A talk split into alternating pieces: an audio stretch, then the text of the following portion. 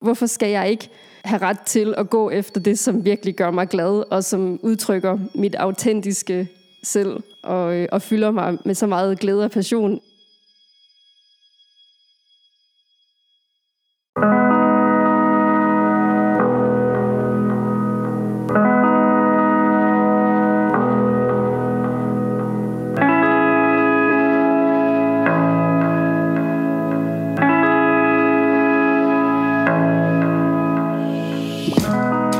Velkommen til Embodied Manifestation Podcast. En podcast med fokus på at ære det hele menneske og vores forbundethed gennem en banebrydende tilgang til manifestation. Med rod i somatisk udviklingspsykologi, human design og energetisk navigation er Embodied Manifestation både en katalysator for vores fuldendte frie væren og en livsændrende manifestationspraksis. Jeg er Luca Sofia, din guide på rejsen.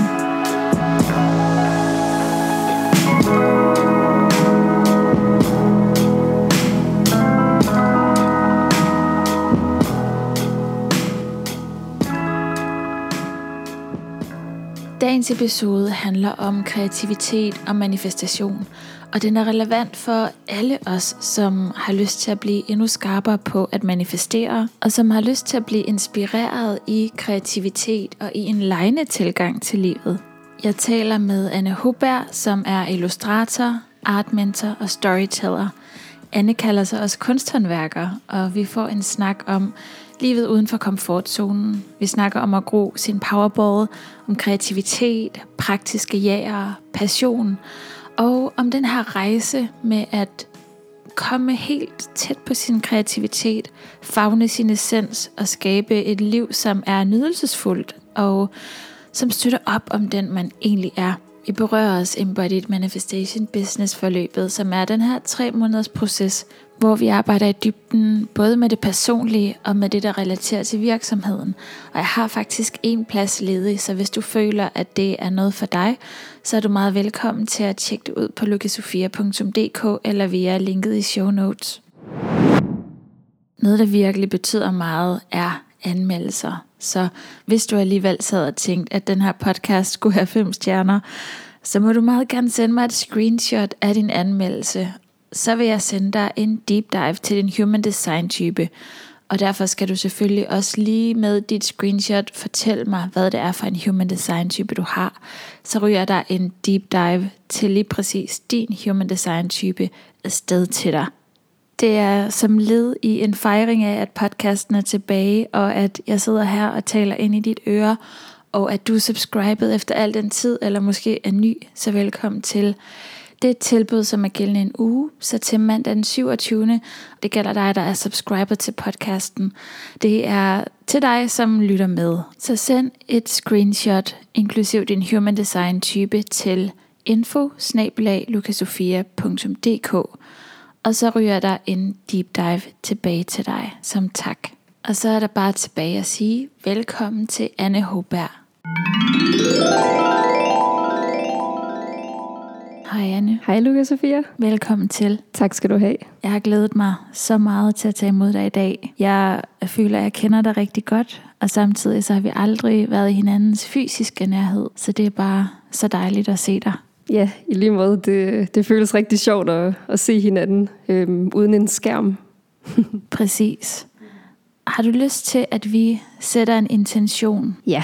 Så Anne, hvad kunne du have lyst til, at intentionen for den her episode skulle være? En rar snak om øh, kreativitet og ja, mange forskellige ting. den er jeg med på. Kreativitet. Måske en intention om, at dem, som lytter med, kan åbne sig for at forholde sig til deres egen kreativitet. Måske på en ny måde. Ja, den er jeg så meget med på. Det er en deal. Før vi går i gang, og før vi forklarer, hvorfor det er, at vi kender hinanden uden at have været sammen, har du så lyst til at trække et af de her ret fine kort? Ja, det er et øh, kort med et æg, der er ved at knække ud. Og så står der, The Starborn er titlen. Wow, hvad tænker du, når du ser det kort? Noget nyt, noget der er ved at blive skabt og født. Det passer rigtig fint. wow vi lige læst beskrivelsen af det her kort. Hvad tænker du nu, når du har læst beskrivelsen? Mm, der står meget om, man har en naturlig øh, skæbne, og skal kigge tilbage på starten af sin, sin fødsel, og se, hvordan man er blevet lidt hen til det punkt, man er ved nu. Det er faktisk rigtig sjovt. Øhm, og på en måde, så, så passede det sådan lige ned i hjertet, da jeg læste det.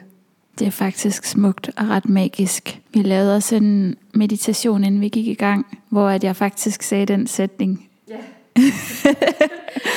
at alt havde lidt hen til det her øjeblik. Virkelig smukt. Så Anne, har du lyst til lige at fortælle, hvad du er i Human Design? Jeg er en generator med en 2-4-profil. Det er øh, Hermit og Opportunist, og jeg er øhm, non-emotional, hvis nogen ved, hvad det betyder. Ja, så du har ikke dit solar plexus defineret, men, men har det udefineret, og på den måde har du ikke sådan en bølge, der har sit eget liv, men er åben for at mærke, hvad der sker omkring dig og i kosmos. Ja, lige præcis. Hvordan fandt du Human Design? Det var faktisk gennem dig og din podcast. Først da jeg lyttede til podcasten, så var det af andre grunde. Og jeg synes, når du snakkede om human design, så var det sådan lidt, ej, kan vi snakke om noget andet? Men så blev jeg meget mere, sådan mere og mere interesseret i det, jo mere du snakkede om det. Så var det bare sådan, at jeg fik en læsning hos dig senere hen, og så udviklede det sig derfra. Hvad for en betydning har det haft for dig at vide, at du er generator og har den her mavefornemmelse, som generators har? Jeg var lidt langt væk fra at mærke den mavefornemmelse. Da jeg lærte om human design, så var jeg ved at recover fra, hvad hedder det, komme over øhm, angst, ængstelighed, hvilket jeg selvfølgelig stadigvæk føler øh, fra tid til anden, men havde haft en periode, lang periode med angst, og jeg havde virkelig svært ved at komme i kontakt med mavefornemmelsen, og så også den stærke intuition, jeg har, i og med, at jeg er, øh, har et åbent solar plexus.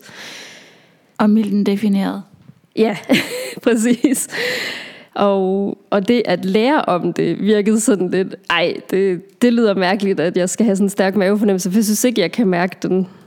Men øhm, jeg har trænet det, og nu synes jeg bare, det, altså det er jo spot on at prøve at leve så meget, altså, som jeg kan efter mit design hver eneste dag. Smukt. Hvordan vil du beskrive dig selv, hvis ikke du kan nævne, hvad du laver til daglig? Jeg tror, øh, nu er jeg ved at læse Hobbiten for første gang, og jeg, jeg kan meget godt relatere til Bilbo Sækker med at være en meget hjemlig type. Kan godt lide at have mit eget space. Jeg kan godt lide at tulle rundt i min, i min egen hyggeverden. Men når eventyret kalder, så kan jeg også godt lide at, at komme ud og opleve det. Jeg synes selv, jeg godt kan være en sjov person, når det tager mig. Og øh, ja, lidt fanden i voldsk nogle gange. Øhm, nogen vil sige provokerende, men det er ikke det, jeg synes mest jeg er. Og generelt prøver jeg bare at have det hyggeligt at være en, en person, der, der tager det stille og roligt i livet. Hvordan vil du så beskrive, hvad det er, du laver til daglig? Til daglig, der er jeg øh, illustrator. Så jeg illustrerer mest ting for børn. Jeg illustrerer børnelitteratur, og jeg øh, har også illustreret undervisningsmateriale, rigtig meget af det. Ja, lidt til animationsverden, det kan vi komme ind på senere. Og så øh, underviser jeg, jeg laver workshops i selv samme ting, tegning, illustration, andre øh, tegneaspekter. Min nyeste ting er, at jeg tilbyder mentoring til øh, kreative og kunstnere, eller folk, der bare har lyst til at blive mere kreative og kunstneriske. Og det synes jeg er virkelig sjovt. Jeg elsker det. Hvad drømte du om at blive, da du var barn? Jeg tror egentlig altid, jeg har drømt om at lave meget af det, som jeg laver nu. Det er bare totalt klichéen om kreative og kunstnere, det er, at jeg har altid tegnet. Jeg har øh, altid skrevet historier, øh, læst rigtig meget. Så egentlig så drømte jeg meget om at lave det, som jeg gør nu. Jeg skrev rigtig mange af mine historier øh, selv, da jeg var barn, og jeg lavede tegneserier. sådan nogle rigtig fjollede tegneserier, hvor jeg også meget kopierede det, jeg læste. Og jeg byggede videre på andre folks universer. Læste meget Elverfolket, den der tegneserie øhm, fra 70'erne, og lavede selv min egen elver og, og sådan noget. jeg kan ikke rigtig komme på noget, jeg ellers drømte om at være, da jeg var barn, end, end det, som jeg meget gør nu. Det er virkelig smukt. Fik du også nævnt, at du har skrevet en bog? Nej, det, øhm, det sprang jeg lige over. Jeg kalder ikke mig selv forfatter endnu, fordi jeg er ikke udgivet, men jeg er storyteller, og øh, det er et stort aspekt af, af sådan alt, hvad jeg tegner. Og øh, fordi jeg havde den her kærlighed til historier, lige, altså lige fra jeg var barn, så har jeg haft lyst til at dykke ned i og fortælle mine egne historier. Så faktisk har jeg skrevet to bøger, som ligger som ufærdige manuskripter, og øh, jeg er lige pt. i gang med at finde ud af, hvad skæbnen skal være øh, for begge to. Men helt sikkert på et tidspunkt, så skal de ud i verden. I den grad, og det bliver gaver til verden. Så da vi snakkede før, der sagde du det her med, at du så dig som kunsthåndværker. Synes jeg, det er sådan en ret fin betegnelse, jeg ikke har hørt før. Hvad vil det sige at være kunsthåndværker?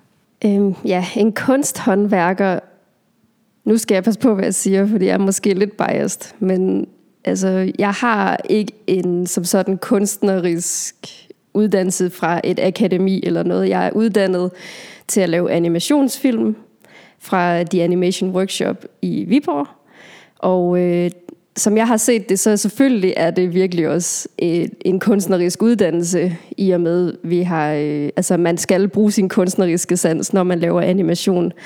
Men det handler virkelig også meget om selve håndværket og teknikken.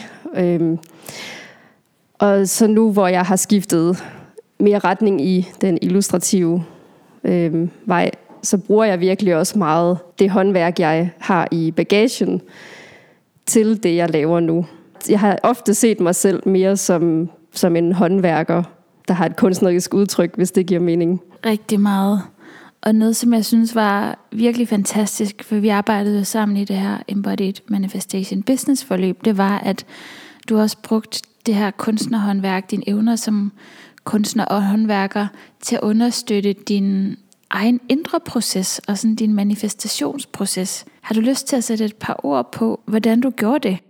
For det synes jeg virkelig, det var smukt at bevidne, en, en gave, tænker jeg, at være i stand til. Da vi startede, så, så var det meget, at efter hver session, så, vil, så satte jeg mig ned og enten skrev lidt dagbog, eller også så tegnede jeg meget, hvad, hvad vi sådan havde været igennem, og prøvede sådan at, øhm, at få det visualiseret for mig selv, den, den proces, vi havde arbejdet med. Det har altid været nemmere for mig med billeder, så det understøttede virkelig meget at få, få ja, som du siger, få manifesteret øh, de ting, som, som der havde været i gang, og som vi havde arbejdet med. Og ja, det var, det var næsten efter hver eneste session, og det er ikke nogen tegninger, jeg har vist til folk, øh, fordi det har været virkelig min, min egen proces, så det har bare virkelig været sådan små skriblerier i min, i min skitsebog. Altså nogle folk, de skriver, jeg skriver også nogle gange for at, at lade processer øh, løbe igennem mig, men jeg tegner også for at få, at få styr på hele processen i det. Og øh, ja, det har jeg jo egentlig altid, altid gjort. Mm, jeg, har ikke, jeg har ikke været sådan en, der, bortset fra da jeg måske var teenager, satte mig ned og tegnede nogle virkelig vrede tegninger, hvis, hvis jeg havde et eller andet, der, der foregik der. Øh, det har ikke været på den måde, men det har været, det har været mere sådan, få konkretiseret, hvad der foregår. Ja, jeg kan da bruge et eksempel. Jeg tror, en af opgaverne, du gav mig, det var faktisk at, øh, at tegne det hus, jeg gerne vil bo i. Så det har jeg gjort. Og det har faktisk, den brugte jeg lang tid på. Det er sådan en, jeg lavede færdig. Det var ikke bare en skitse. Det var sådan en, jeg lagde farver på, og virkelig fik tænkt over kompositionen og hvordan huset skulle fungere. Så, så det, ja, det var egentlig, det var ret fint, at du også fangede, at det er den måde, som jeg arbejder med, med manifestation på. Det synes jeg var rigtig fint. Det er så smukt, og jeg tænker på, hvad er det, du føler, det gør, når du kan se det visuelt og mærke stemningen fra det billede, frem for at læse nogle bullet points på et papir, du har skrevet ned. Hvad er det, det gør ved dit system? Det er nok meget den der øh, Virgo energy, jeg har. jeg har, øh, jeg har jomfruen i solen. Jeg kan godt lide, når ting er konkrete. Og det kan man jo også sige, det vil de nok også være på nogle bullet points. Øh, og jeg arbejder også med bullet points. Øh, som mine manifesteringer nogle gange. Men forskellen er, at, at jeg virkelig, virkelig godt kan lide at leve mig ind i, som du siger, i stemningen, i følelsen, og det sker nemmere, hvis jeg kan, hvis jeg kan se det visuelt, og hvis jeg også kan bruge den, altså tegneprocessen, illustrationsprocessen til at, at komme igennem alle de følelser, der er forbundet til det, og virkelig sådan sidde og mærke, ah, her skal der være en plante, her skal der være den her slags øh, stol. Øh, ja, hvis det er et hus for eksempel, jeg tegner, øh, og ja, andre ting. Det passer bare sådan meget bedre til, til mig at, at kunne se det visuelt. Fordi jeg er kreativ og, og arbejder med det visuelle, så er det bare sådan, jeg tænker rigtig meget, og sådan jeg oplever verden. Så noget af det, vi arbejdede med os, Anne, det var at finde ind til den her kraftfulde visdom, som er en del af dig, og som udtrykker sig symbolsk som en sol. En af de opgaver, der også var, det var faktisk også at, at kreere den, føde den ud i verden rent fysisk, så du kunne se den og blive mindet om den. Og nu er den faktisk også blevet til dit logo for din virksomhed. Så hvad betyder den for dig, den her sol, og hvad gør det for dig, at den her indre visdom ligesom er blevet kanaliseret ud i noget visuelt, noget ydre, som du bliver mindet om, når du ser det? Det er et virkelig godt spørgsmål. Det var sjovt, fordi det var, det var lidt et tema for mig, inden at vi gik ind i processen, men den blev, det blev bare virkelig forstærket af processen, altså EMB-processen, der vi var igennem med at arbejde med den stærke solenergi i maven, som lige pludselig så stod den bare helt skarpt for mig. Øh, men før det, så bliver jeg lidt sådan, ja, vi skal lige spole lidt tilbage, men jeg var på sådan et, et business-kursus, sådan rigtig traditionelt, hvor man skulle finde øh, klienter og øh, ja, tagline og sådan noget. Og min tagline var faktisk creating, det var et eller andet med sådan creating sunshine for all. Ja. Creating happiness sunshine for all, tror jeg det var noget af den stil. Og øh, det har bare altid virkelig været min mission med, med min kunst, med mine illustrationer.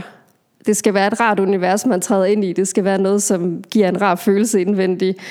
Altså, da du så pinpointed, jamen, du har den sol der i maven, det var bare sådan helt, wow, okay, det forstærker bare alt det, jeg gerne vil give andre folk øh, med, min, med det, jeg laver, med mit kreative udtryk det her, det kommer alt sammen fra mig, og derved så bliver det bare så meget mere, det blev bare meget mere autentisk lige pludselig. Mit logo før var, det var noget, som min kæreste havde hjulpet mig med at sætte sammen rigtig hurtigt, og det var rigtig fint, men det passede bare ikke til mig, så jeg var nødt til at, at, at sådan gå tilbage og så kigge på, jamen okay, det er virkelig den her sol, det er det, som, som jeg gerne vil udtrykke, og som jeg føler indvendigt derfor så passede det bare så godt, at det, det er mega banalt på en eller anden måde, ikke? det er en sol, men på den anden side, så, var jeg sådan, så behøver jeg ikke den der tagline længere, fordi den symboliserer det, som jeg står for, og det, som jeg er, og det, som hele min virksomhed også er, og som jeg vil have, den skal kunne give andre. Ja, wow. Kilden til alt liv og centrum for universet. I hvert fald vores. så smukt. Og jeg kan huske, den åbenbarede sig jo for dig. Den afslørede sig for dig, og sådan, hvad er det, hvad er det for en essens, der er der? Det er bare så smukt.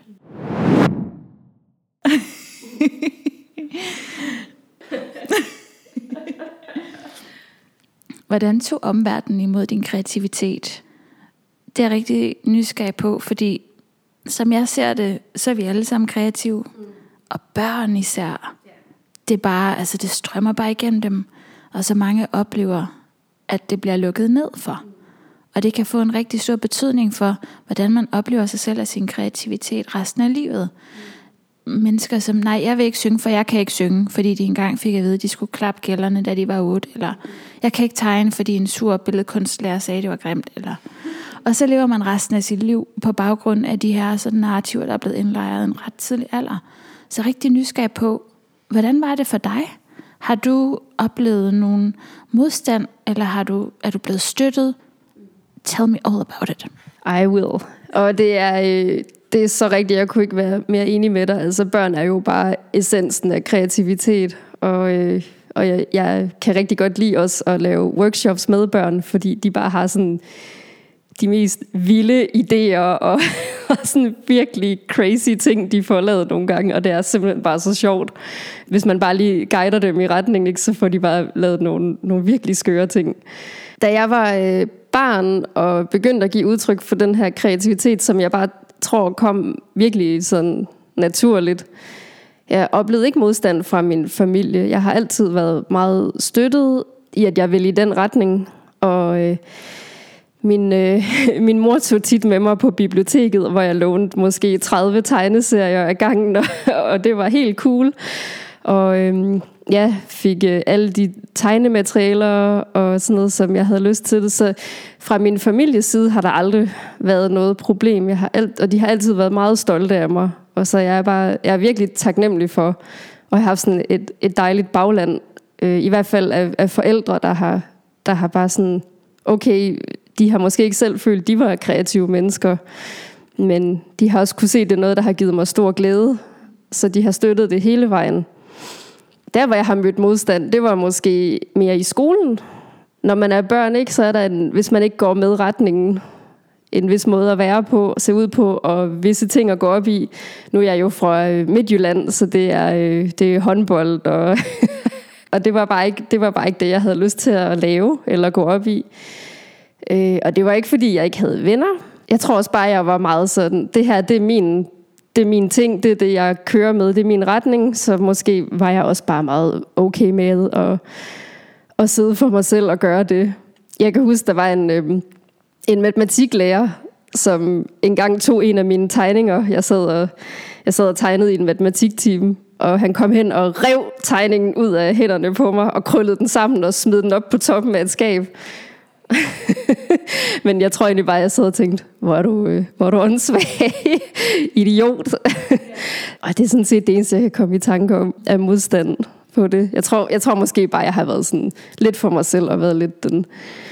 Ikke, ikke en, der var utilgængelig i folkeskole, men også sådan en, hvor folk har været sådan nogle gange, okay, vi, vi lader hende bare lige sidde og, og gøre sine ting. Meget stereotypt. Du sagde bare lige øh, min human design profil med to firen, og da, da jeg lærte om den, så var jeg bare sådan, det giver så meget mening, den der hermit, og bare være sådan, jeg sidder bare og passer mig selv. Ja, nemlig udvikler talentet, og, øh, og bare lukker mig ind i den der verden. Og når der så er brug for, at jeg kommer ud, så kommer jeg ud. Hvordan oplevede du så, da du blev lidt ældre, og du kom i nogle miljøer, hvor at det var reglen snarere end undtagelsen, at man dyrkede sin kreativitet på den måde? Det var super fedt altså, jeg startede til tegning, tror jeg, da jeg var sådan 14-15 år, og fik en, en friend for life der, som bare, vi har bare fulgt det sad.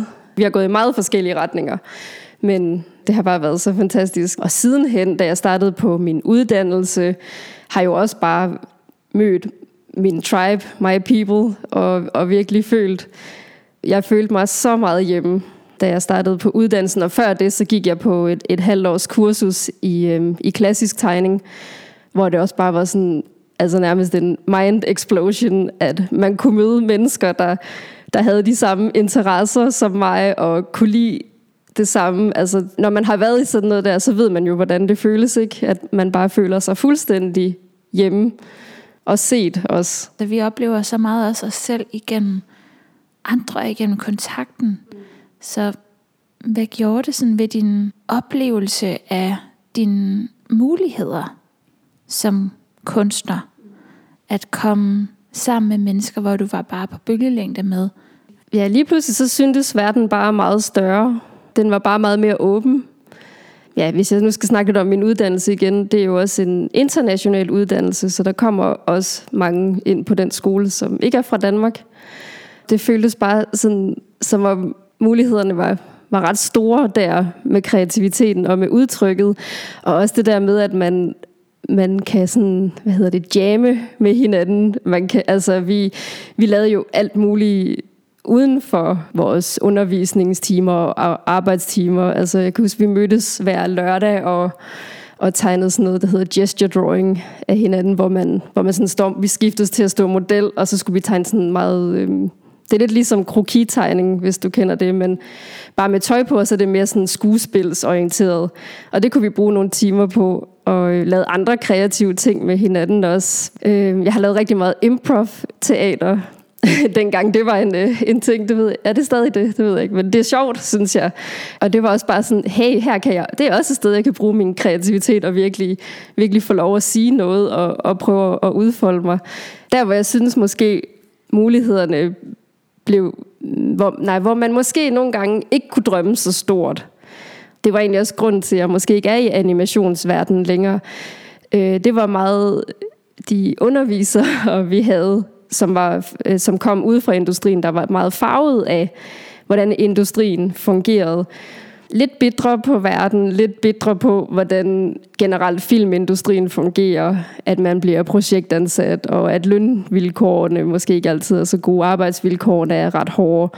Det var, det, det var sådan der, hvor jeg oplevede noget begrænsning på en eller anden måde af mulighederne. For ellers så synes jeg jo bare, at jeg boldrede mig i, i kreativitet og ja, i, i sjovhed, og, og bare kunne virkelig tabe ind i mavefornemmelse, min solenergi, og har så taget, altså har taget det med mig senere hen ikke, i mit, mit liv nu.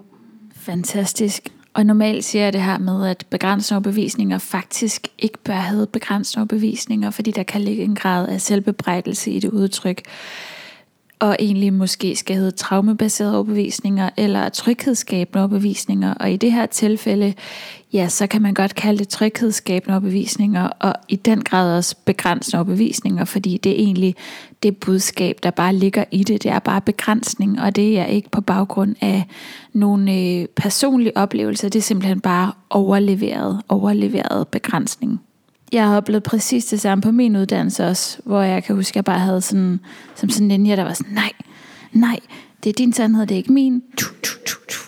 Men hvis ikke man er bevidst om det, så kan det jo sus lige ind i underbevidstheden og sætte sig som sådan en selvopfyldende profeti. Noget, som jeg også oplever, det er det her med, at når vi er sammen med andre mennesker, der laver det, vi også gør, eller interesserer sig for det samme, så har vi også mulighed for i endnu større grad at forfine vores talent, fordi at vi støder op imod de andre lidt, og man opdager andre menneskers måde at gøre tingene på, og det kan inspirere, og det er ligesom, at man sammen kan kravle højere op og få en større udsigt. Oplever du også det? Helt klart, og det er måske det er lidt det, som jeg godt kan være ked af nogle gange ved at arbejde alene, at jeg ikke altid har den, den måde at bruge hinanden på, altså når jeg har arbejdet sammen med andre kreative på min uddannelse og efterfølgende, jeg havde noget, noget arbejde også som in-house illustrator på nogle animationsstudier, føler virkelig det der med, at når man bare kan, kan bruge hinanden og jamme, og så også give plads til, at, at hver person har sit eget udtryk og sin egen måde at arbejde på. Det er virkelig der, hvor der sker noget, noget fantastisk i forhold til, sådan, hvad man kan skabe af ting. Og jeg synes, jeg synes, det er så vigtigt også, at man har hinanden i det. Det er måske også der, hvor at jeg er taknemmelig for. På min uddannelse, der, der, der prøvede de virkelig at efterligne industrien, som er meget samarbejde og, øh, og meget det der med, jamen, man arbejder som en gruppe, og man har hver sin rolle. Og jeg kunne virkelig godt lide det, fordi det skærer bare fuldstændig egoet væk fra, fra sådan det der, den der idé, man har om en kunstner, at det sådan er en lonely wolf, og det er øh, skarpe albuer og, og konkurrencefyldt. Og så, selvfølgelig var der noget konkurrence, men jeg synes mere, der var den der med, vi hjælper hinanden, vi bærer hinanden, og, og, og det er virkelig det, jeg sætter stor pris på, at jeg har lært, og at jeg har taget med mig videre. Selvfølgelig kan jeg nogle gange godt sidde og kigge på folks ting og være sådan, for fanden, hvor er de dygtige. Hvorfor kan jeg ikke finde ud af det der? Men igen, jeg prøver virkelig at vende det til en, en mulighed for at lære noget, og for at blive inspireret, selvom nogle gange så kan det jo være mega svært. Men 80% af gangene, så prøver jeg bare at sige, jamen, hvad kan det lære mig i min proces? Hvordan kan jeg blive dygtigere af det? Det synes jeg virkelig er smukt, og det tænker jeg, det er noget, som alle kan bruge i alle sammenhænge at der hvor vi bliver inspireret af det mennesker, der ligesom bærer nogle fakler og lyser noget op på den vej, vi også gerne vil gå, eller på vores egen vej. Det er super empowering, fordi så oplyser det muligheder frem for at vi egentlig bliver sådan energetisk små. Mm, tak for at dele det, Anne. Så nu har vi snakket noget om kreativitet. Hvordan oplever du kreativitet? Jeg synes, kreativitet er virkelig individuelt. Og det kommer til udtryk på rigtig mange måder. Det er sådan lidt et Miss Universe-svar, øh, men... Øh, øh. Nej, men, men det jeg mener er, jeg tror lidt, der er den der, øhm, ja, du kalder det arketypen, hvilket jeg godt kan lide, kunstnerarketypen, med sådan, måske hovedet lidt op i skyerne, og de, øh, de store tanker, de store armbevægelser, og, øh, og sådan, nu, nu skaber jeg øh, lige præcis det, der er i mit hoved, og øh, måske ikke er så, så nærværende i, i verden. Og for mig har, har har min kreativitet, nu snakker jeg bare for mig selv, øh, den har aldrig rigtig været på samme på sådan den måde. Jeg, selvfølgelig kan jeg godt sidde og føle, nu er jeg bare mega inspireret, fordi jeg får jo min mavefornemmelse, og intuitionen rammer mig. Og så bruger jeg det også, men jeg vil også mene, at jeg altid har været meget konkret med, hvad jeg, hvad jeg skaber. Og, der, og jeg har altid gået meget op i processen. Hvis du for eksempel bliver inspireret, hvordan oplever du det rent fysisk igennem dig? Er det, er det en sensation? Er det en fornemmelse? Er det noget, der bliver aktiveret? Er det oppe i hovedet? Hvor er det, og hvordan føles det? Det er sjovt. Det er ikke noget, jeg har tænkt over rigtigt. Så det er et godt spørgsmål. Det er nok meget generator-følelsen, hvis jeg prøver at tænke på. Det er meget sådan, hey, der er noget, der kalder mig ind der her for et par uger siden, der gik jeg en, en tur i skoven, og var sådan, ej, var skoven flot, og jeg kan godt, jeg kan godt lide sådan små ting, små mennesker og små dyr og sådan noget. og, og har lidt lavet, jeg lavede en billedserie om det, med en, en lille heks, der bor i skoven, og skoven er meget stor i forhold til hende. Og øh, fik lidt den samme idé, men på en anden måde, da jeg gik i skoven, og, og var sådan lidt, okay, hvis jeg nu bruger billeder, øh, og tager nogle billeder af skoven, og ligesom prøver at tegne ovenpå. Det har jeg set andre folk gøre også. Så det, det er meget sådan, ja, hvad jeg får af input, tror jeg, som så ligesom går ned i mavefornemmelsen, og hvis det så bare føles som et, et kæmpe ja, så starter processen. Det kan godt være, at jeg ikke går i gang med den der, men den lagres, eller jeg skriver det ned, så jeg husker det. Og, og så kan jeg ligesom gå i gang med, med at dykke ned i det, fordi også når jeg, når jeg starter en kreativ proces, så kan jeg virkelig godt lide, at det er en proces, og at det er noget, jeg er omhyggelig med. Hvad gør du, hvis du oplever, at der ikke rigtig er flow, eller der er en periode, hvor det her ikke rigtig aktiveres i dig, hvor du måske er kommet meget op i hovedet, og sådan, måske overtænker tingene, eller hvad, hvad gør du, hvis du sådan føler, at du ikke er helt i touch med din skaberkraft? Jeg ser det på to måder, for jeg ser det personligt og så professionelt, i og med, det er mit virke. Hvis det er personligt, at jeg føler, at der bare ikke kommer noget igennem, så, så gider jeg ikke at gøre noget. Så, så lader jeg det ligge. Jeg gør noget andet. Jeg gør andre ting, jeg godt kan lide at gøre, som, som gør mig glad. Jeg laver yoga, jeg går en tur i skoven, jeg ses med nogle venner, øh, spiser noget god mad, ser en film, læser en bog, et eller andet, som jeg godt kan lide. Og hvis, hvis den er helt forsvundet, kreativiteten, det er godt lide sådan nostalgiske ting, ting jeg kunne lide fra min barndom. Så, jeg, så kan det være, at jeg ser en film, jeg godt kunne lide, da jeg var barn. Øh, eller læser en tegneserie, eller tager på et museum også. Altså virkelig banalt. Bare prøve at komme lidt væk fra det, og ikke, ikke presse noget igennem. Og på det professionelle plan, der er det jo lidt anderledes, fordi der kan jeg ikke altid selv bestemme, hvornår jeg skal have den der kreative indskydelse. Men jeg har heldigvis tit ting, der kan hjælpe mig til at aktivere det, som er, at hvis jeg laver noget illustration for andre folk, så, er det, jo, så har de jo som regel en, en idé eller en historie, der skal illustreres, eller et koncept, og, øh, og derved så kan jeg så bruge det til at aktivere det. Også, nej, det ved jeg ikke, om man, man må sige, men nogle gange så kører jeg den jo heller ikke på fuld blus. Det kan man jo ikke altid. Altså, nogle gange så, så er det også, så giver jeg også bare 85 procent, og det er okay, fordi man kan ikke rigtig se forskellen. At det vil opleves som 100 procent sikkert for andre.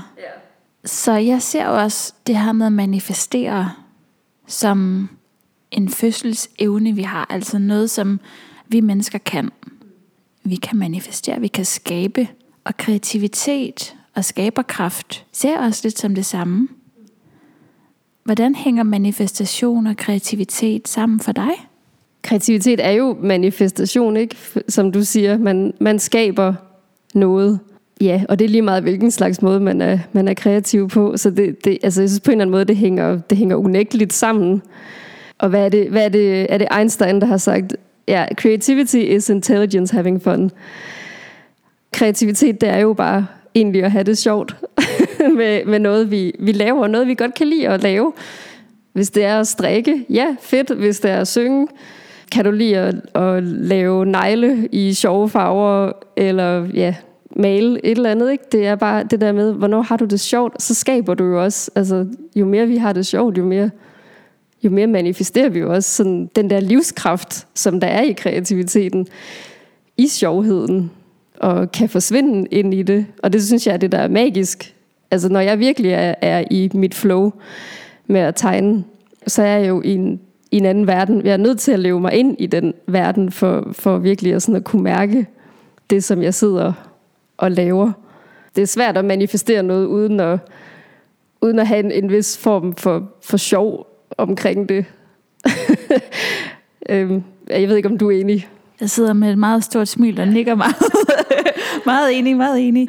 Ja, fordi det er som om, at den leg, som vi kan tænke ind i kreativiteten, at sætte os fri til at eksperimentere, at tage den med ind i sin livsførelse, at tage den med ind i at ligesom gøre livet til, sin, til sit kunstværk, og gøre skaberprocessen, gå til den med den samme lethed, synes jeg er så magisk. Og så det her med, at kreativitet er vores autentiske udtryk. Der er også noget i det, det her med udtryk og skabe.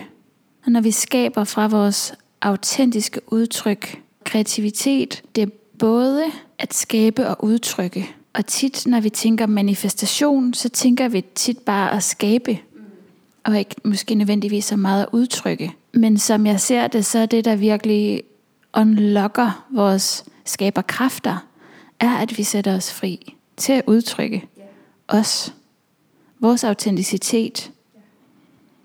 Ja, og hvis jeg igen må blive lidt personlig omkring det, så jeg har personligt nogle gange selv siddet og tænkt, jeg burde gøre det her med min kreativitet. Jeg burde lære det her. Jeg lærte øh, 3D-animation på min uddannelse. Det var et helt, næsten et helt skoleår, jeg brugte på det. Og det var nok det mest røvsyge, jeg nogensinde har siddet med. Og jeg kunne bare ikke komme ind i det. Og der var nogen, der syntes, det var pisse fedt. Og det var bare der, at de kunne få deres kreativitet til at, at, at komme til udtryk. Og øh, det var bare ikke autentisk for mig. Jeg synes ikke, man skal prøve at gennemtvinge noget, fordi man har set andre gøre det, eller fordi man føler, det er det, man skal gøre, bare fordi, hvis man føler, man bliver mere accepteret af at ja, kun 3D, det er bare ikke, ikke er der, hvor jeg føler, jeg udtrykker mig autentisk, så er det jo Altså, det er jo spild af tid for det første. Og det er jo heller ikke noget, man, man får noget glæde af i længden. Det bliver jo, så bliver det jo igen det der slid. Og jeg tror også, det var det, jeg, virkelig, jeg indså ret hurtigt jeg synes, det er ret interessant med mange kreative folk, jeg kender, mange i min omgangskreds, som meget føler, at de skal sidde fast i en vis måde. Jeg sidder ikke og, og, øhm, og spiller hellig eller noget. jeg vil ikke sige, at jeg har fundet den hellige gral på den måde. Jeg føler bare, at jeg har sat mig selv lidt mere fri ved faktisk at følge det, som har gjort mig glad. Og det er at lave illustration, skrive historier, lave workshops, art mentoring, i stedet for, at jeg skulle sidde på et, øh, et animationsstudie. Noget, som jeg måske ville synes var praktisk, og som betalte mig godt. Men det vil ikke være autentisk for mig. Lige præcis. Og når vi gør det, som ikke er autentisk for os, så betaler vi med vores livskraft. Der er bare hård afregning ved kasse 1. Så kan det godt være, at vores bankkonto har kronede dage. Men hvis livet føles slidsomt, så er jeg ikke sikker på, at det er det værd. I hvert fald ikke, når man har oplevet, hvordan det er at ære sin livsløst, at ære sin, for dit vedkommende, mavefornemmelse som generator. Hvordan verden åbner sig op, hvad der bliver muligt for en. hvad man kan skabe. Fordi når vi går ind i det, som vi ikke er passioneret omkring, så er vi heller ikke nysgerrige. Og så bliver vi ikke kreative.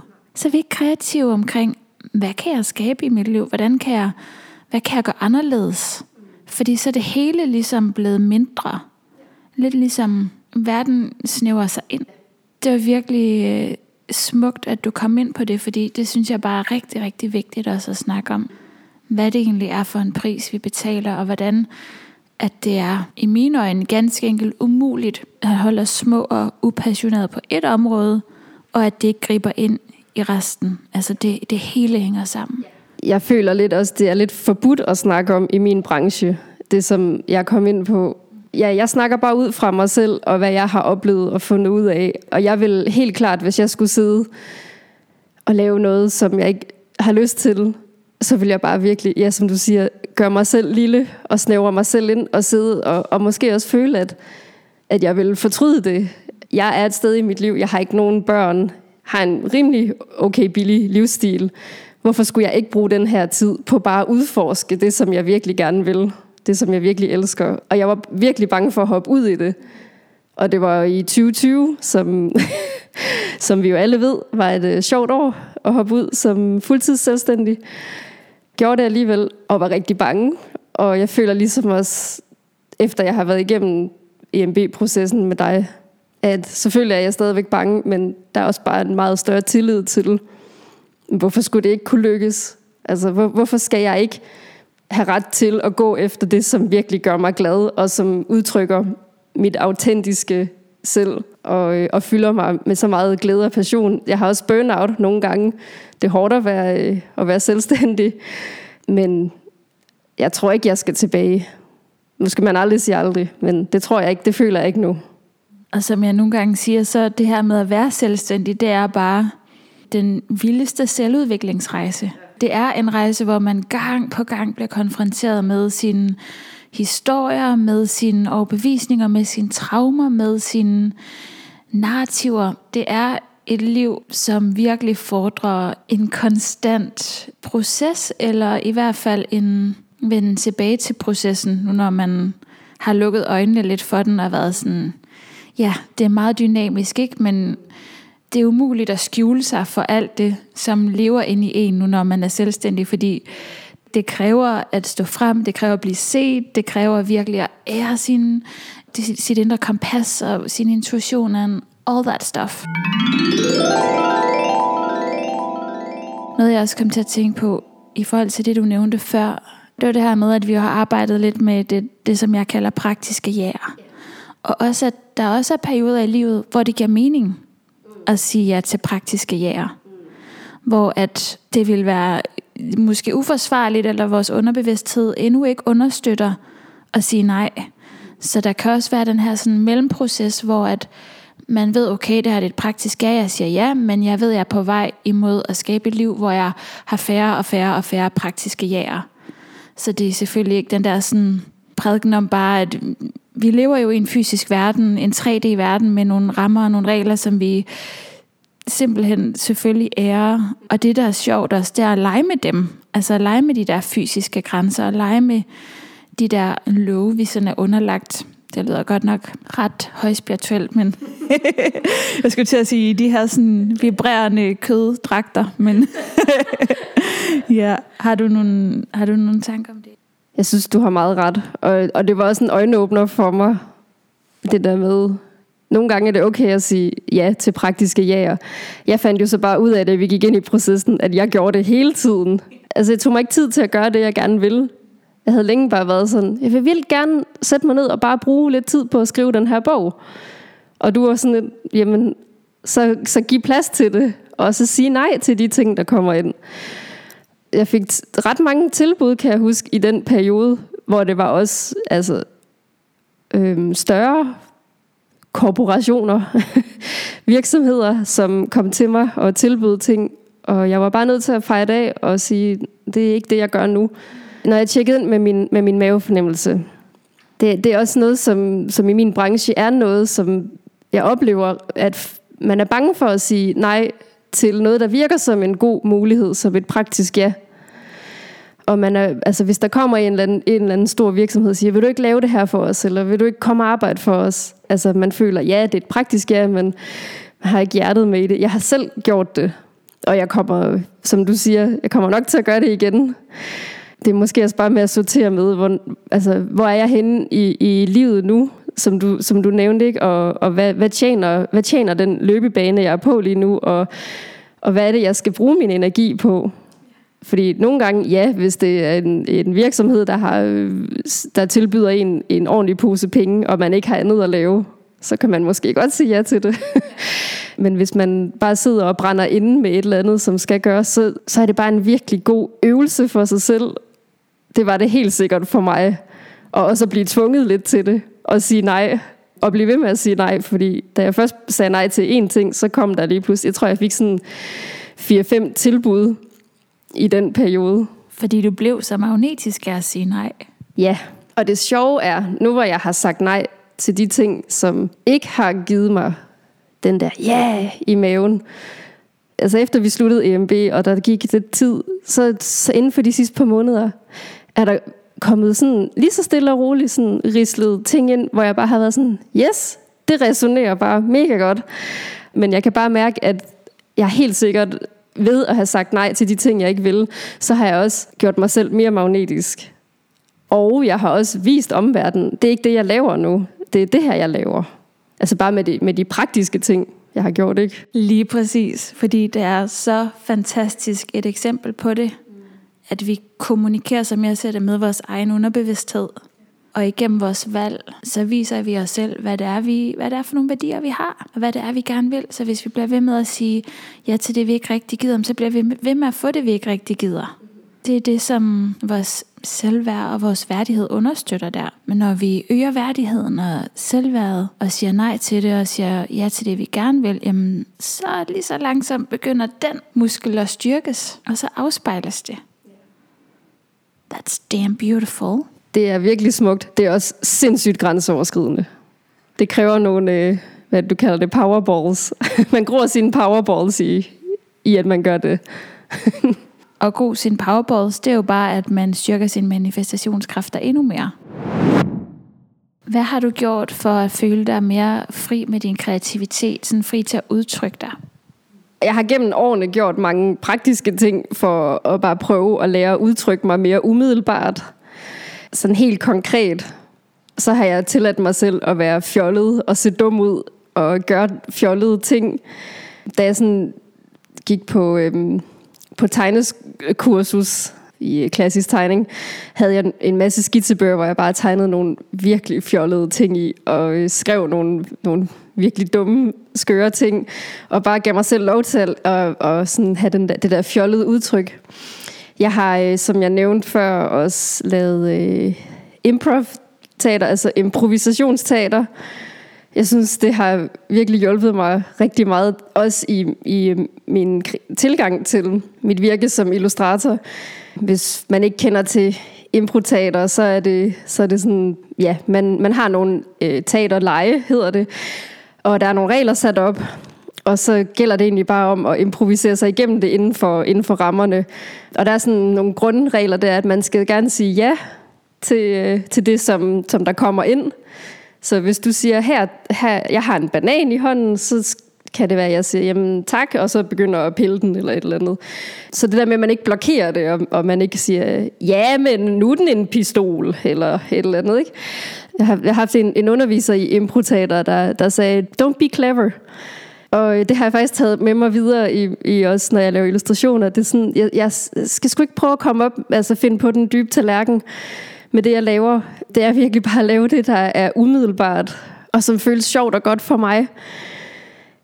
Selvfølgelig skal jeg udfordre mig selv kreativt, og, og hele tiden hele tiden prøve på at blive dygtigere, og øh, måske prøve nogle nye ting en gang imellem. Men det, som, som virkelig sætter mig fri, det er at være sådan, jeg kan godt lide at illustrere det her. Jeg kan godt lide at illustrere ting, der gør mig glad. Ting, der ser rart ud, som har lyse farver, runde former, store øjne. Nogen vil nok sige nuttet, men jeg synes ikke, at det er så nuttet, at, at det ikke har lidt kant, det jeg laver. Det ved jeg ikke, om andre er enige med. Men at jeg bare har givet mig selv lov til at gøre det, det har sat mig rigtig meget fri, fordi igen, man kan virkelig sammenligne sig selv med andre, og hvad de laver, og øh, wow, det ser også fedt ud, det der. Øhm, og selvfølgelig kan man lade sig inspirere af andre, men det er hele tiden det der med, jeg skal ikke prøve at ligne andre med det, jeg laver. Jeg skal bare gøre det, som, som jeg synes ser godt ud, og så skal der helt sikkert nok være nogen, det tiltaler. Det er sådan det måde, jeg, jeg synes, jeg, jeg sætter mig selv fri på kreativt. Hvad er mit autentiske udtryk? Mm, det er, øh, det er bare mere øh, det glade udtryk, det som er umiddelbart. Tak for at dele, Anne. Jeg synes, at det er helt vildt inspirerende at høre om. Og jeg kommer også til at tænke på det her med, at det kræver os en vis grad af selvkærlighed og selvværd. At give sig selv lov til at have en stemme. At give sig selv lov til at lege og udtrykke sig.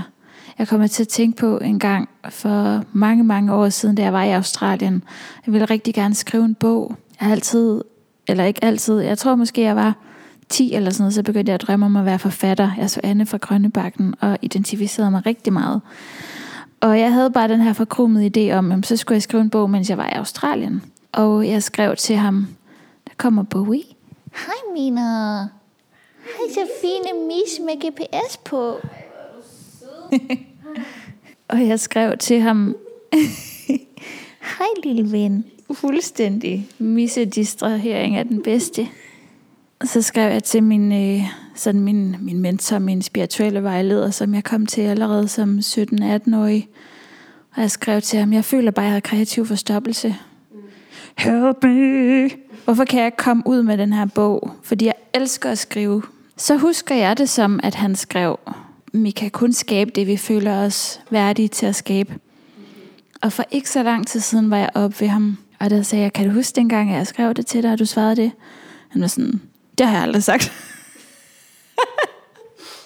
jeg var sådan, okay, anyways. Det kommer jeg til at tænke på, at som jeg oplever det, jo mere vi forløser vores traumer og skaber rummelighed i nervesystemet, jo nemmere er det at skabe. Fordi vi kan sagtens skabe og være kreative, men uden at føle os værdige til at dele det med verden eller blive set i det. Eller vi kan være der, hvor vi slet ikke kan få noget ud, som det der jeg kalder kreativ forstoppelse. Simpelthen fordi der er noget andet, der fylder, der er mere præsent, som skal forløses først.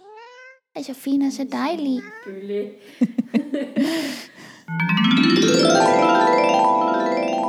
Så vi har nævnt nogle gange EMB, Anne. Hvordan fandt du Embodied Manifestation Business forløbet? Det går jeg også ud fra, det var igennem mig. Kan du huske, hvad du tænkte, da du så det? Ja, jeg tænkte bare, okay, det skal jeg. Jeg skal lige have fundet pengene til det, men jeg skal helt klart gøre det. Der var bare noget, der dragede mig ind. Jeg tror bare, jeg vidste, jeg havde i lang tid gået og tænkt, at jeg skal have en, en eller anden mentor eller en business coach af en art. Men, men det skal også bare være ikke kun alt det praktiske, alt det der med, lav en hjemmeside, få nogle sociale medier, lav en client pipeline og, og whatever. Jeg var sådan, det skal også være noget, hvor jeg arbejder ind i, ind i mig selv. Og, og i og med, at jeg havde fået, jeg tror det var et halvt år inden, havde jeg fået en human design reading af dig, som bare virkelig, altså jeg synes bare, det, det vibede bare så godt, og jeg kunne rigtig godt lide din, din energi, og, og hvad du sådan, den måde du formulerede tingene på. Så da jeg så, du slået op, så var jeg bare sådan, yes, det er det, jeg mangler. Fedt, tak. Så noget, som jeg godt kan synes er lidt svært, det er det her med at se skoven for bare træer. Så hvordan vil du beskrive, hvad er det egentlig, det her EMB-forløb? Ja, hvad er det ikke? Ej, øhm, cheesy. ja, praktisk er det jo business coaching. Men det, der overraskede mig i det, det var også det selvudviklende, altså al den viden, du har om, om terapi og øh, kroppen og underbevidstheden, altså at det kom i spil sammen med de praktiske ting med min virksomhed. Jeg tror ikke, jeg har været igennem sådan en mølle. Jeg har gået til terapi før, men ikke, ikke på den måde. Og jeg føler, jeg føler lidt, at det, det har været det vildeste, og der har været så mange følelser i spil, og jeg har grædt ved så mange sessioner, virkelig gået dybt med tingene, og jeg føler, at jeg kunne, jeg kunne have fortsat. Ja, og så er det også bare, hjælp til praktiske ting og guidning. Og som, som generator er det jo også bare super fedt, at jeg har en, øh, en projector, mentor, coach, terapeut til, til at guide mig. Det passede bare godt sammen energetisk også. Det var helt sikkert, at jeg gik ind i det med det formål, det skal, det skal hjælpe min virksomhed. Men det kom så også bag på mig, hvor meget jeg personligt fik ud af det. Bare sådan rent udviklingsmæssigt. Hvor er det bare så dejligt at høre. Det var virkelig, virkelig også en kæmpe glæde at arbejde sammen med dig, Anne. Der har jeg sagt nogle gange. Hvordan vil du beskrive processen? Den var lidt skræmmende. Og da jeg gik ind i det, var jeg, var jeg skrækslagen, og jeg, og jeg følte virkelig, at jeg skulle... Jeg har altid været sådan en, der gerne har ville gøre det godt i skolen og sådan noget. Så jeg følte virkelig, at jeg skulle, sådan, jeg skulle gøre det godt, og jeg skulle gøre alt på den rigtige måde, som vi også har arbejdet rigtig meget med. Ikke? Altså det der med at være den, den søde pige, den gode pige, og træde ind i at være lidt mere en, en rebelsk person, og gøre tingene på sin egen måde. Den proces har, har virkelig hjulpet mig, ja, især det der med, ja, både at komme ud af det der med at være the good girl, falder selvfølgelig stadigvæk i det fra tid til anden, men jeg har meget mere opmærksomhed på det nu, og så har vi også arbejdet med, med praktiske jager, og med at øge magnetismen, og så samtidig gå ind og hele på alle. Ja, hvad du kaldte det? Ikke begrænsende overbevisninger, det var øh, ja, traumebaserede øh, overbevisninger, og, og sådan, ja, virkelig gå i dybden med det. Så, så processen har virkelig været sådan, det var virkelig sådan en, en flod, en bølge af, af skræmmende ting. Det var grænseoverskridende. Jeg fik at vide, at jeg skulle lægge en video på Instagram og begynde at vise mit ansigt mere. Du spurgte ind til, du, du sagde selvfølgelig ikke, du skal gøre det. Det har ikke været dikterende på den måde, men, men, øh, men fik foreslået det. Det var bare så grænseoverskridende for mig, og det tror jeg, det er for rigtig mange kreative, det der med at vise sig selv. Men som du fik sagt så pænt, så er det jo, man køber jo mere ind på folk, og deres personlighed og deres energi og deres udtryk, end man faktisk køber ind på, hvad der kommer fra deres hænder eller ja, deres mund, eller hvordan man nu kreerer. Ikke? Og det giver så meget mening nu, når jeg kigger på det, altså kigger tilbage på det, og når jeg kigger på kunstnere, jeg kan lide, det er sådan, hey, jeg ser også, hvem de er som personer, og derved kan jeg relatere mere til, hvad de laver og hvad de skaber. Det hører bare så meget sammen med dem. Jamen, der var mange praktiske ting, hvor jeg, hvor jeg sådan, var sådan lidt, Åh! Så jeg får sådan en følelse af det der med virkelig, og det er noget med comfort zone. Helt sikkert. Der var øh, en comfort zone, jeg skulle ud af, hvilket har været så godt. Altså især det der med ikke at sige ja til alting, der faldt ned i mit skød, fordi jeg, øh, fordi jeg har været bange for, at der aldrig vil komme noget igen. Sige nej til ting, lære at sige nej, og lære at lytte til, hvad der føles rigtigt. Begynd at vise mig selv mere. Lave en YouTube-kanal har jeg også gjort. altså min komfortzone er blevet større nu. Og jeg kan huske, det, det var så sjovt, at jeg bare nævnte sådan ud af det blå, sådan, jeg har lidt tænkt på, om jeg skal til at starte med at være sådan mentor selv. Og så var du sådan, ja ja, det skal du bare i gang med. Sådan her gør du det. Dyt, dyt, dyt. bare få det lagt op på din hjemmeside og begynde at, øh, at snakke om, at det er det, du tilbyder. Det var bare så nemt og så umiddelbart, men jeg har, jeg har aldrig nogensinde tænkt selv før det, at nå ja, det kan jeg jo bare selv. Også i forhold til sådan noget med at undervise, som jeg også har gjort meget, hvor jeg sådan er blevet hyret ind af forskellige skoler og steder. Nu er jeg begyndt at lægge planer for mine egne workshops, og altså det der med, at jeg selv kan tage kontrollen over tingene, det var aldrig noget, jeg havde forestillet mig, jeg kunne før. Der har bare været, været et eller andet der, hvor jeg har, har lært af det, jeg har, har været omkring, at det, det er ikke sådan, man gør det. Hvorfor kan man ikke det? Altså, så det var, det, var, det var en øjenåbner. Ej, hvor er det fantastisk at høre. Helt vildt. Altså de muligheder, der åbner sig op, når vi strækker os ud af den comfort zone. Comfort zone, hvorfor skal jeg sige det på engelsk? At det lige præcis er det, der kan føles rigtig skræmmende. Fordi der er en grund til, at den er komfortabel, den zone. Det er fordi, vi er vant til den. Det er fordi, alle vores mønstre understøtter den. Det er fordi, nervesystemet er helt programmeret til den. Så når vi begynder at række os ud af den, så signalerer nervesystemet ofte, det her det er farligt, nu gør du noget. Nu er du på afbanen, ligesom GPS'en, der siger, vend om. Vend om, når man har taget en detour. Man er sådan, nej, nej, du ved ikke, hvor jeg er på vej hen, kære GPS. Og det er der, hvor jeg også oplever, at der kan vi ofte ikke rigtig undvære at lave det her indre arbejde sammen med, så vi kan hjælpe nervesystemet til at udvide sig. Og hvor jeg også tænker, at det at have en, en anden med hvis på sidelinjen der, kan gøre en stor forskel for, hvor, hvor, hvor trygt det kan føles midt i det skræmmende. Jo, men helt klart, det var rart at føle, at, at jeg blev holdt i hånden igennem, at det var skræmmende. Ellers så, øh, så havde jeg nok bare endt med at, at fryse på stedet, og, og, og som du siger, have vendt om og, og gået tilbage til det velkendte. Så, øhm, så jeg, jeg synes, altså det er virkelig øh, stor øh, klapsalve, vil man kalde det til dig.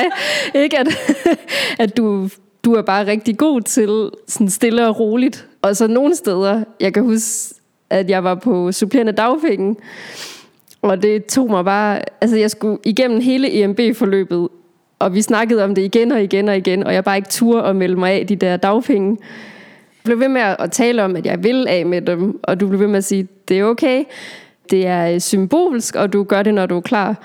Og så tror jeg, der var på et tidspunkt, hvor jeg nævnte det igen, og du var sådan, ej, nu skal du se at få det gjort. nu har du snakket om det så længe.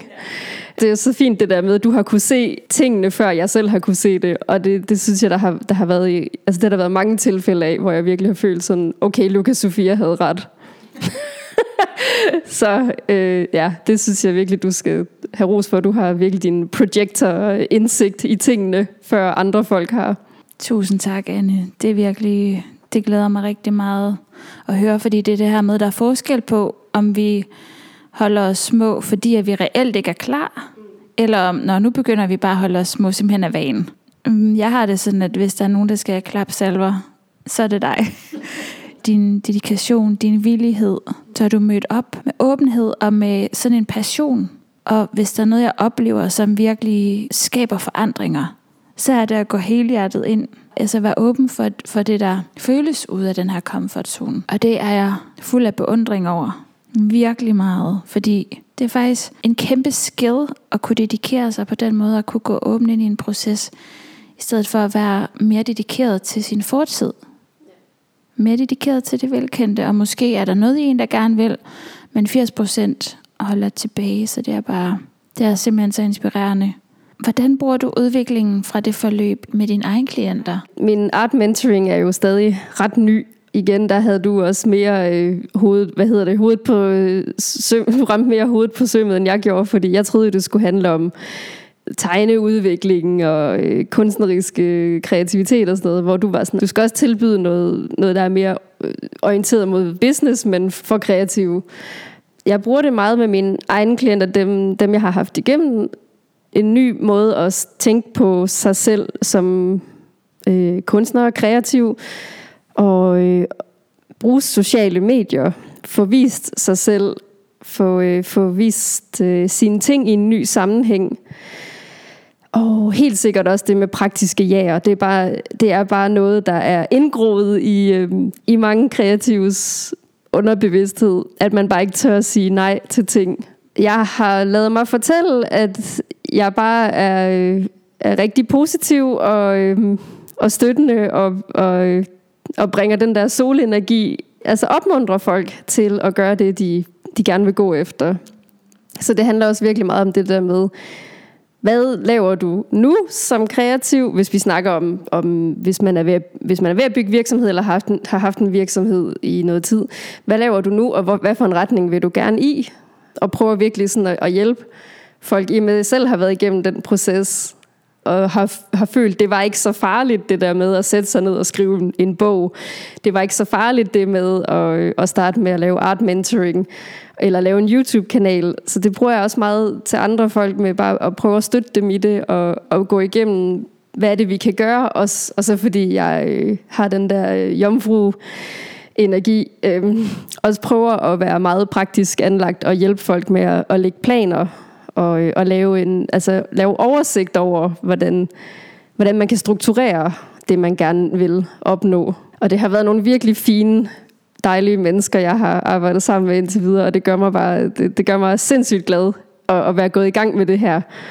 Øh, jeg føler virkelig, at det er bare sådan et dejligt indspark til alt det andet, jeg laver. Det giver resultater, det er bare sådan, det føles bare super lækkert. Det tænder livskraften. Det gør det virkelig. Hvordan vil du beskrive det at være art mentor? Hvad går det ud på? Hvad er det for noget? Generelt vil jeg sige, det er virkelig at prøve at, at skubbe de mennesker, jeg har haft igennem, i den retning, de gerne vil. Og, og støtte dem i processen. Og øhm, være et forbillede, være en, en inspiration for dem.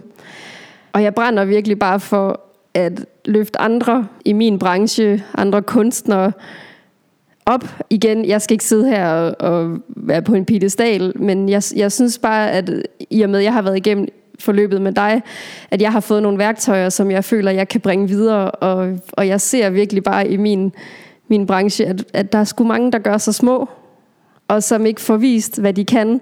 Der sidder så mange talentfulde mennesker, og bare tænker, det er ikke godt nok, og hmm, hvordan skal jeg kunne tjene penge på det her, eller sælger sig selv for billigt eller gratis, fordi desværre er der stadigvæk en, lidt en stigmatisering omkring det at være, være kunstner, og øhm, det kan vi snakke meget om, ikke? men det der med, hvad føler man selv, man er værd, og hvad føler andre, at man er værd, og det er virkelig en af mine kæpheste også, at hjælpe med, altså hjælpe andre kreative med at se deres værd, og stå ved det, og turde sige nej til det, der ikke er godt nok fremadrettet, så tror jeg også, det bliver meget det, som mentoringen kommer til at handle om. Og så selvfølgelig, hvis man har brug for nogle praktiske tips. Jeg, kan også, jeg laver også øh, kortere forløb på øh, en fire ugers tid, hvor det også er sådan, havde jeg forestillet mig, at det er mere øh, det praktiske, nogle, nogle praktiske tips til bare at udvikle teknik og øh, lidt teori og sådan noget, og kunne give feedback på det. Jeg brænder for begge ting. Kan man komme til dig, hvis man ikke er udøvende kunstner, og få mentoring?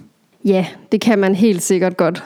Jeg vil elske at have, have folk i, i sådan et forløb, hvor, øh, hvor det bare er fordi, at altså enten at de måske gerne vil træde ind i og starte som, som kunstner eller kreativ, eller at de bare har lyst til at, at udvikle nogle øh, færdigheder og øh, lære noget mere håndværk. Jeg er åben for alle, og jeg kan, jeg kan arbejde på mange niveauer. Det er så åbent stadigvæk nu, så jeg, jeg, jeg tager alle ind, som, som er interesseret og, og som er, er åbne for at gå i den, i den proces, som, som det jo er.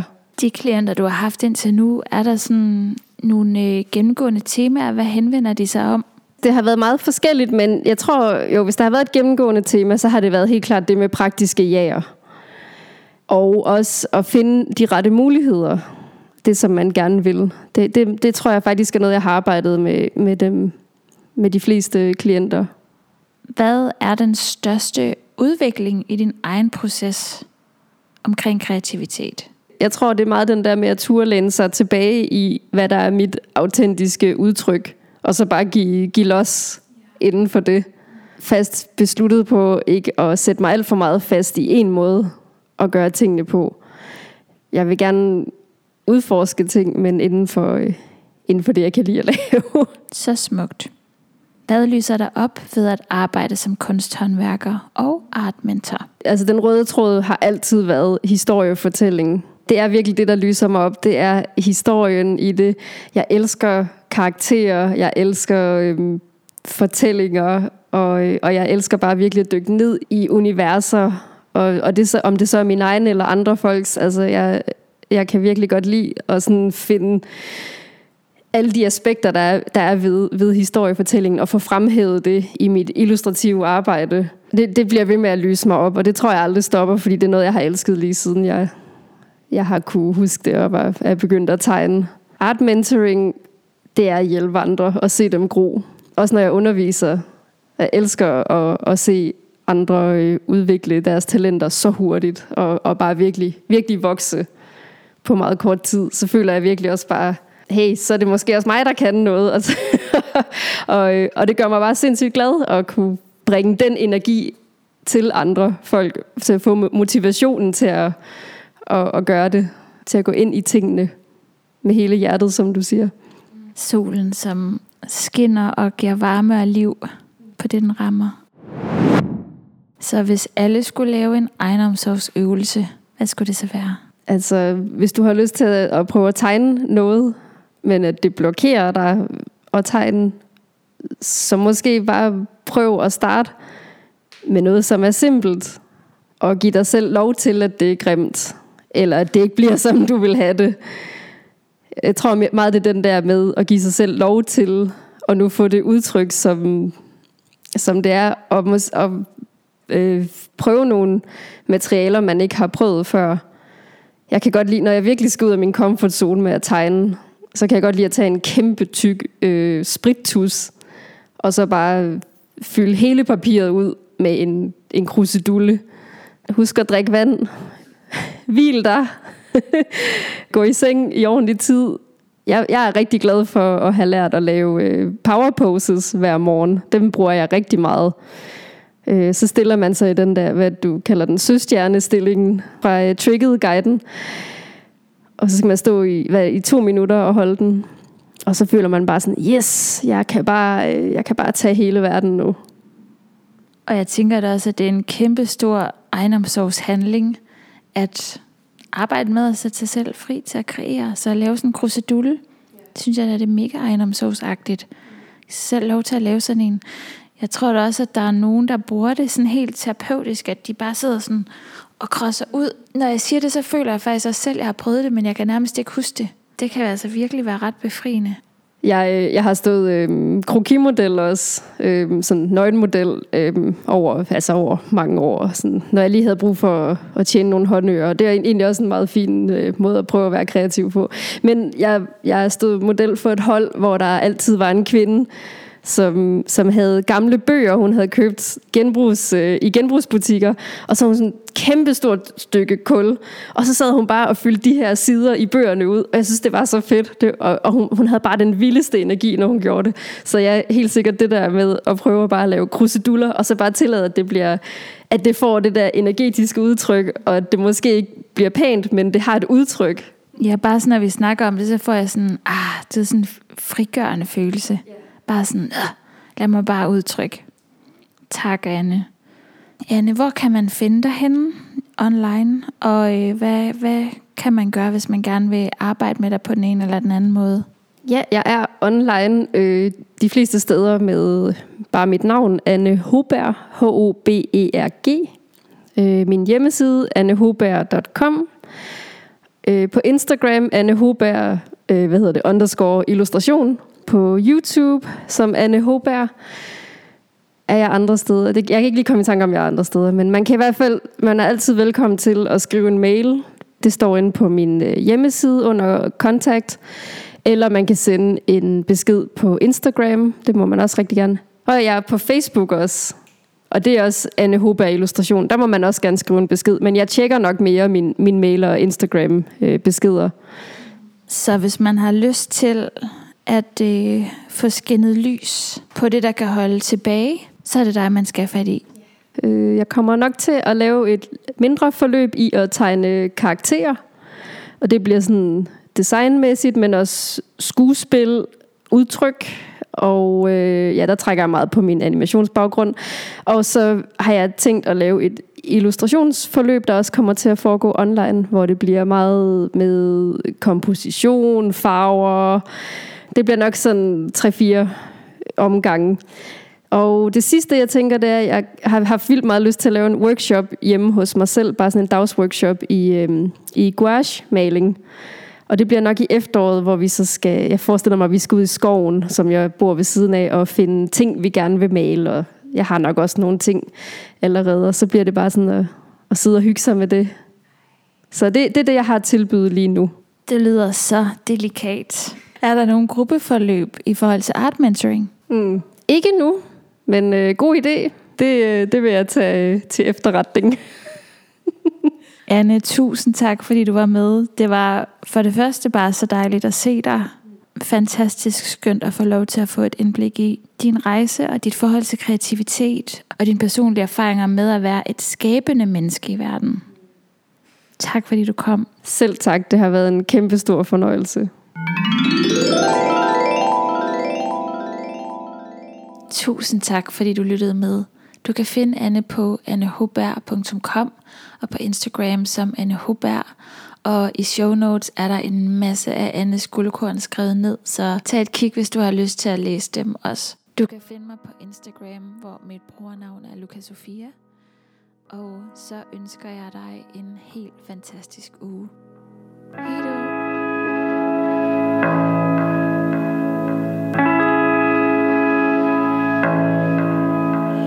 you